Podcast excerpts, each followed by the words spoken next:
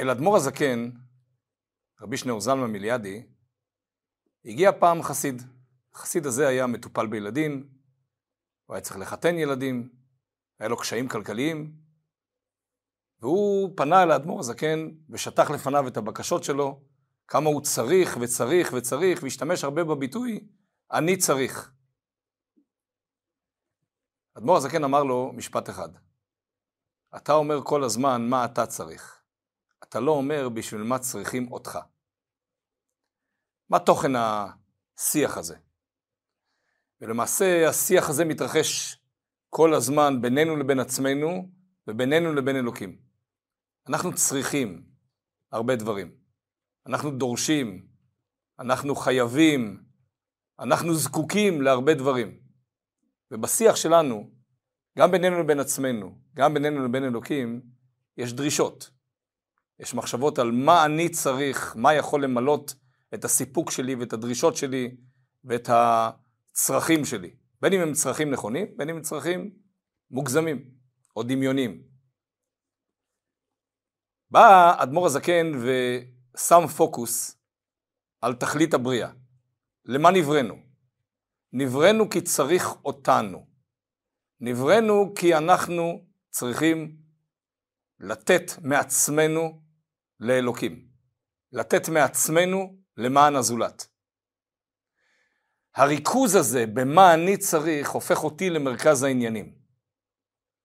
המחשבה על בשביל מה צריכים אותי הופך אותי לאחד כזה שמצד אחד חי בתוך העולם, מצד שני הפוקוס שלו כל הזמן זה איך אני תורם יותר לעולם, איך אני תורם יותר למכלול של הבריאה ואיך אני עושה נחת רוח לבורא יתברך. בפרשת השבוע, פרשת ויגש, אנחנו מוצאים את המפגש של יוסף עם אביו יעקב אבינו. והפסוק מתאר את המפגש, ויירא אליו, ויפול על צוואריו, ויבק על צוואריו עוד. הפסוק למעשה מתאר כאילו מפגש חד צדדי. מפגש של יוסף עם אבא שלו, ולא מתואר המפגש של אבא שלו עם יוסף. חזור. ההתייחסות של הפסוק היא רק למה עשה יוסף. ויפול על צוואריו, ויבק על צוואריו עוד.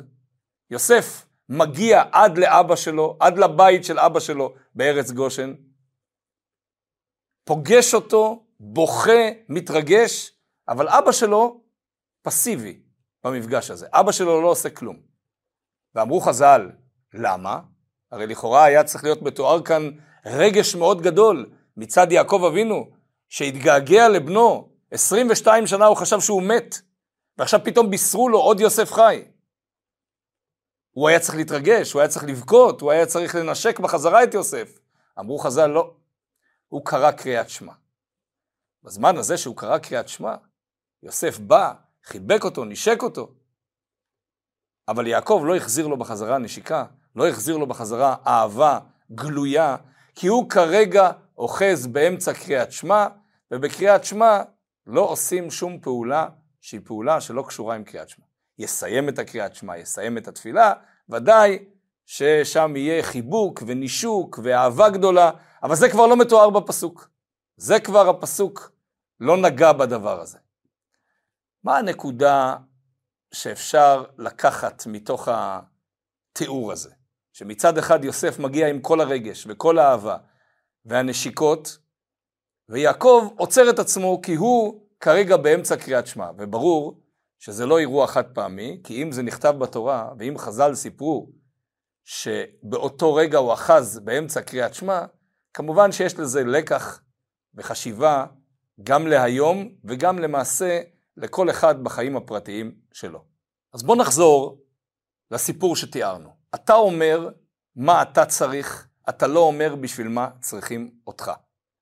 למעשה יש כאן התנגשות קבועה בכל חיינו בין מה אני רוצה, מה אני צריך, מהם הרצונות שלי, לבין מה נכון כרגע לעשות. נכון? זה נכון על פי תורה, נכון על פי הצו האלוקי, על פי הצו המוסרי.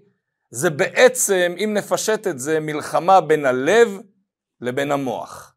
בין הרגש של מה הייתי רוצה לעשות, מה אני מתרגש, מה אני זורם לי לעשות נקרא לזה, לבין מה כרגע הדבר הנכון לעשות, ויכול להיות שזה גובל באתקפיה, גובל בכפייה של הרגש, בסוג של אמירה, לא, אני לא אעשה מה שהייתי רוצה, אלא אני אעשה מה שצריך, וזאת למעשה מלחמה פנימית שמתרחשת כל הזמן. זאת מלחמה שמתרחשת אצל אנשים שיש להם אה, רצון חזק לאכול. מה הייתי רוצה? הייתי רוצה לאכול. מה אני צריך? אני צריך בשלב מסוים להפסיק לאכול, או לאכול דברים מסוימים. מה הייתי רוצה להגיד? אולי הייתי רוצה להגיד לשון הרע, אולי רכילות, לבין מה אני כרגע צריך לעשות. וצריך לעשות זה להימנע מלשון הרע, להימנע מרכילות, וכך הלאה. בין אם זה בראייה, בין אם זה בשמיעה, בין אם זה בדיבור, בין אם זה בעשייה, תמיד מלחמה פנימית בין מה בא לי לעשות, מה אני אה, רוצה לעשות מצד הלב, לבין מה נכון וצריך לעשות. אז קודם כל בוא נבדוק בסיפור הזה של יעקב אבינו, מה הוא היה רוצה מצד טבעו לעשות, ומה נכון וצריך לעשות. אז אמרנו, 22 שנה חשבתי שהבן שלי מת. 22 שנה מאנתי להתנחם.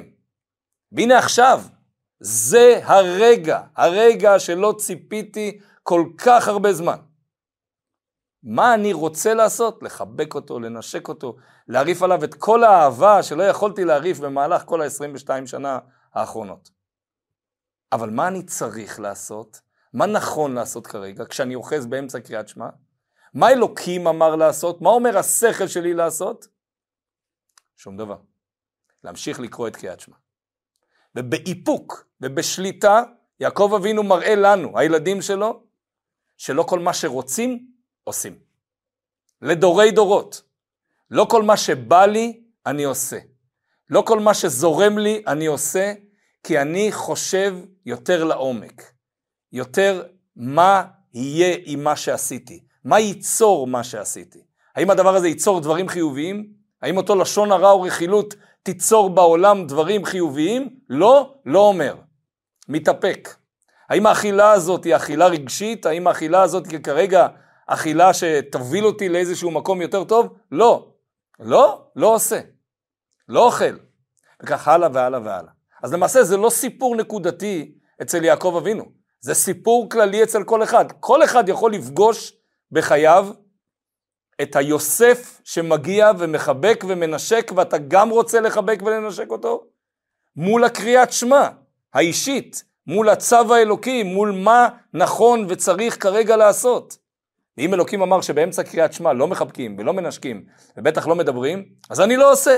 המפגש הזה הוא מפגש שלמעשה מלווה אותנו כל החיים שלנו. כל החיים שלנו, באמירות שלנו בתוך הבית, בעשיות שלנו בתוך הבית, באמירות בחוץ, בעשיות בחוץ, באמירות כלפי עצמנו, בתוך המחשבה, הדיבור, המעשה שלנו. אי אפשר לזרום. היו אומרים שביוב זורם. לזרום לא מוביל לכיוון חיובי, בגלל שלמעשה לזרום זה לעשות מה שהנפש הבעמית שלי, מה שהיצר הרע שלי רוצה לעשות, את זה אני עושה. ואז מה אנחנו מקבלים? אדם שכולו נתון לגחמות וליצרים פנימיים, שזה מה שבא לו לעשות. אז אם זה מה שבא לו לעשות, אז זה מה שהוא עושה. אז זה לא מוסרי, זה לא כפוף לצו האלוקי, זה לא קשור לתורה ומצוות, כי באופן כללי, ברוב רובם של המקרים, הרצון שלי, או הרצון של היצר הרע שלי, מתנגש עם הרצון האלוקי. אז ביום כיפור בא לי לאכול, אז בפסח בא לי לאכול חמץ. וכך הלאה והלאה והלאה. לא רוצה לקום בזמן ולא רוצה להתפלל בזמן, שום דבר. בא יעקב אבינו ואומר, ולכן זה כתוב בתורה, כשאני קורא קריאת שמע, גם אם הרגש שלי חם ומתלהב ונורא היה רוצה, מה לעשות בסך הכל? לחבק ולנשק את יוסף. מה יותר אלמנטרי מזה? זה הבן שלי שלא ראיתי אותו 22 שנה. אבל לא, אני לא אעשה את זה. כי זה לא מה שצריך לעשות, זה מה שאני רוצה לעשות.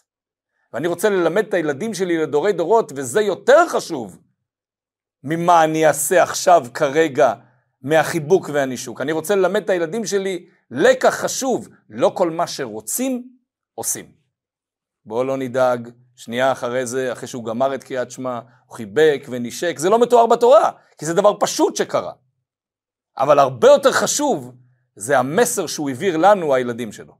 עכשיו בואו ניקח את הסיפור הזה, וניקח אותו שלב אחד יותר קדימה.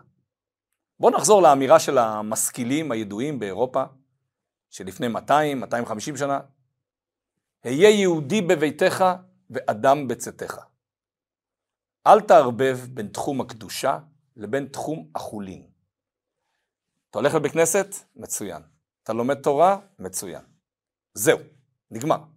אין קשר בין התורה שלמדת, הבית כנסת שהלכת, התפילה שהתפללת, ברכת המזון שאמרת, לבין עסקי החולין, החיים הפרטיים שלך, חיי העסקים שלך, חיי המשפחה שלך, החיים הפרטיים שלך עצמך, לא קשור. תפריד בין הדברים. להגיד לבן אדם אל תתפלל, להגיד לבן אדם אל תלך אף פעם לבית כנסת, להגיד לבן אדם אל תשמור שבת, הם לא רצו. אז הם הפרידו את הרשויות, מה שנקרא. ואמרו, אהיה יהודי בביתך, אבל כשאתה יוצא החוצה ואתה מופיע בחוץ, תהיה אדם. תהיה אדם אוניברסלי, לא קשור ליהדות שלך. מה אומר יעקב אבינו? כשיש לי רגש, שהוא לכאורה רגש של חולין, רגש לבן שלי, רגש שיש לכל אחד, גם אצל גוי וגם אצל יהודי, בטח אצל הורה כזה, שלא ראה את הבן שלו 22 שנה, זה רגש ברור ובסיסי אצל כל הורה לחבק ולנשק ולהרעיף אהבה על הילד שלו. הרגש הזה הוא רגש של חולין. אבל האם אני יכול לרתום אותו גם לתחום הקדושה? האם אני יכול לעשות סינכרון בין שני התחומים ולדעת להעביר רגש מתחום שהוא לכאורה תחום חולין, לדעת לתעל אותו לתוך התחום של הקדושה? מה בעצם קורה כאן? למה זימן הקדוש ברוך הוא את העובדה שיעקב אבינו קורא קריאת שמע ברגע הקריטי הזה שיוסף נכנס? מה הסמליות כאן? בוערת בך אהבה, אתה רואה את יוסף, הרגשות מלאים, כל מה שאתה רוצה זה לחבק ולנשק. בוא תעביר את זה, לפחות לפרק זמן קצר, לתוך התחום של הקדושה. בוא תגיד, ואהבת את השם אלוקיך, שזה עיקר הקריאת שמע. אחרי שאתה אומר שמע ישראל ואתה מקבל עליך עול מלכות שמיים, ברוך שם כבוד מלכותו לעולם ועד, ואהבת את השם אלוקיך. אז בוערת בי אהבה לילד שלא ראיתי 22 שנה. אבל אני לא משאיר את זה רק בתוך תחום החולין או עסקי המשפחה ביני לבין הבן שלי. אני אומר, אם זה כבר בוער, בוא נעשה מזה גם ואהבת את השם אלוקיך. כן, ברור, אחר כך יהיה גם אהבה לילד, שלא נטעה, לא נחשוב שיעקב הוא איזה מישהו קשוח כזה שלא מביע רגשות, הוא יביע את הרגשות. אבל כרגע, זימן הקדוש ברוך הוא, ואני אוחז באמצע קריאת שמע, אני לא מנתק בין המושג קריאת שמע למושג אהבה לילד שלי. אני מאמץ את האהבה הזאת ומעביר אותה לתוך התחום של הקדושה. כי חשוב לי שאם כבר בוער בי יצר של אהבה, רגש של אהבה, אני רוצה גם שהקדושה תהיה גם בתוך התחום. לחבר את החולין, את היום יום, את הרגשות הטבעיות, לתוך תחום הקדושה של אהבת השם. אז בעצם, באופן עמוק יותר, יעקב אבינו מסמל לנו שאין שתי רשויות. רשות אחת של חולין, רשות אחת של קדושה. לא.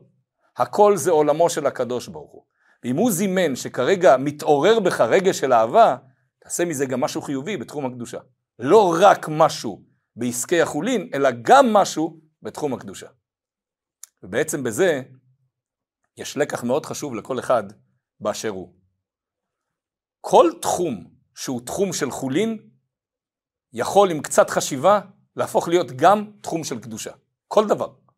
כל קשר שיש לך עם משפחה, חברים, מקום העבודה, אנשי צוות, כל קשר כזה שהוא לכאורה קשר שבנוי על יחסי חברות או יחסי עבודה או כל צורה אחרת, יכול להיות מתועל על ידך גם לתוך התחום של הקדושה.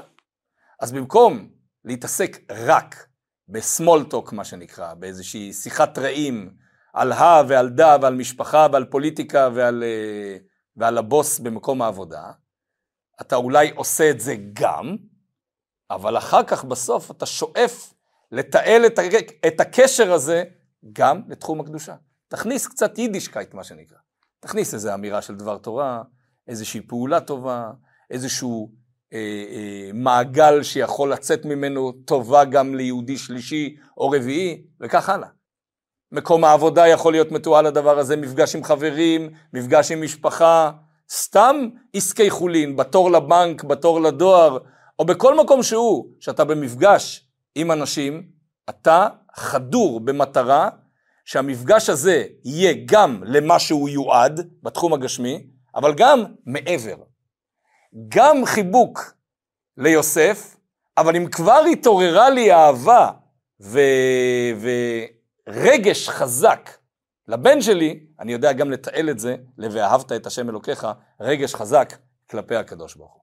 אז למעשה, שוב, הסיפור הוא לא סיפור מקומי, הוא סיפור עכשווי שכל הזמן מהדהד לנו, הן במסר הראשון של לא לעשות מה שאני רוצה, אלא לעשות מה שצריך, והן במסר השני, שכל תחום, גם תחום מובהק של חולין, יכול בקצת חשיבה להפוך להיות חלק מתחום הקדושה ונחת רוח לבורא יתברך.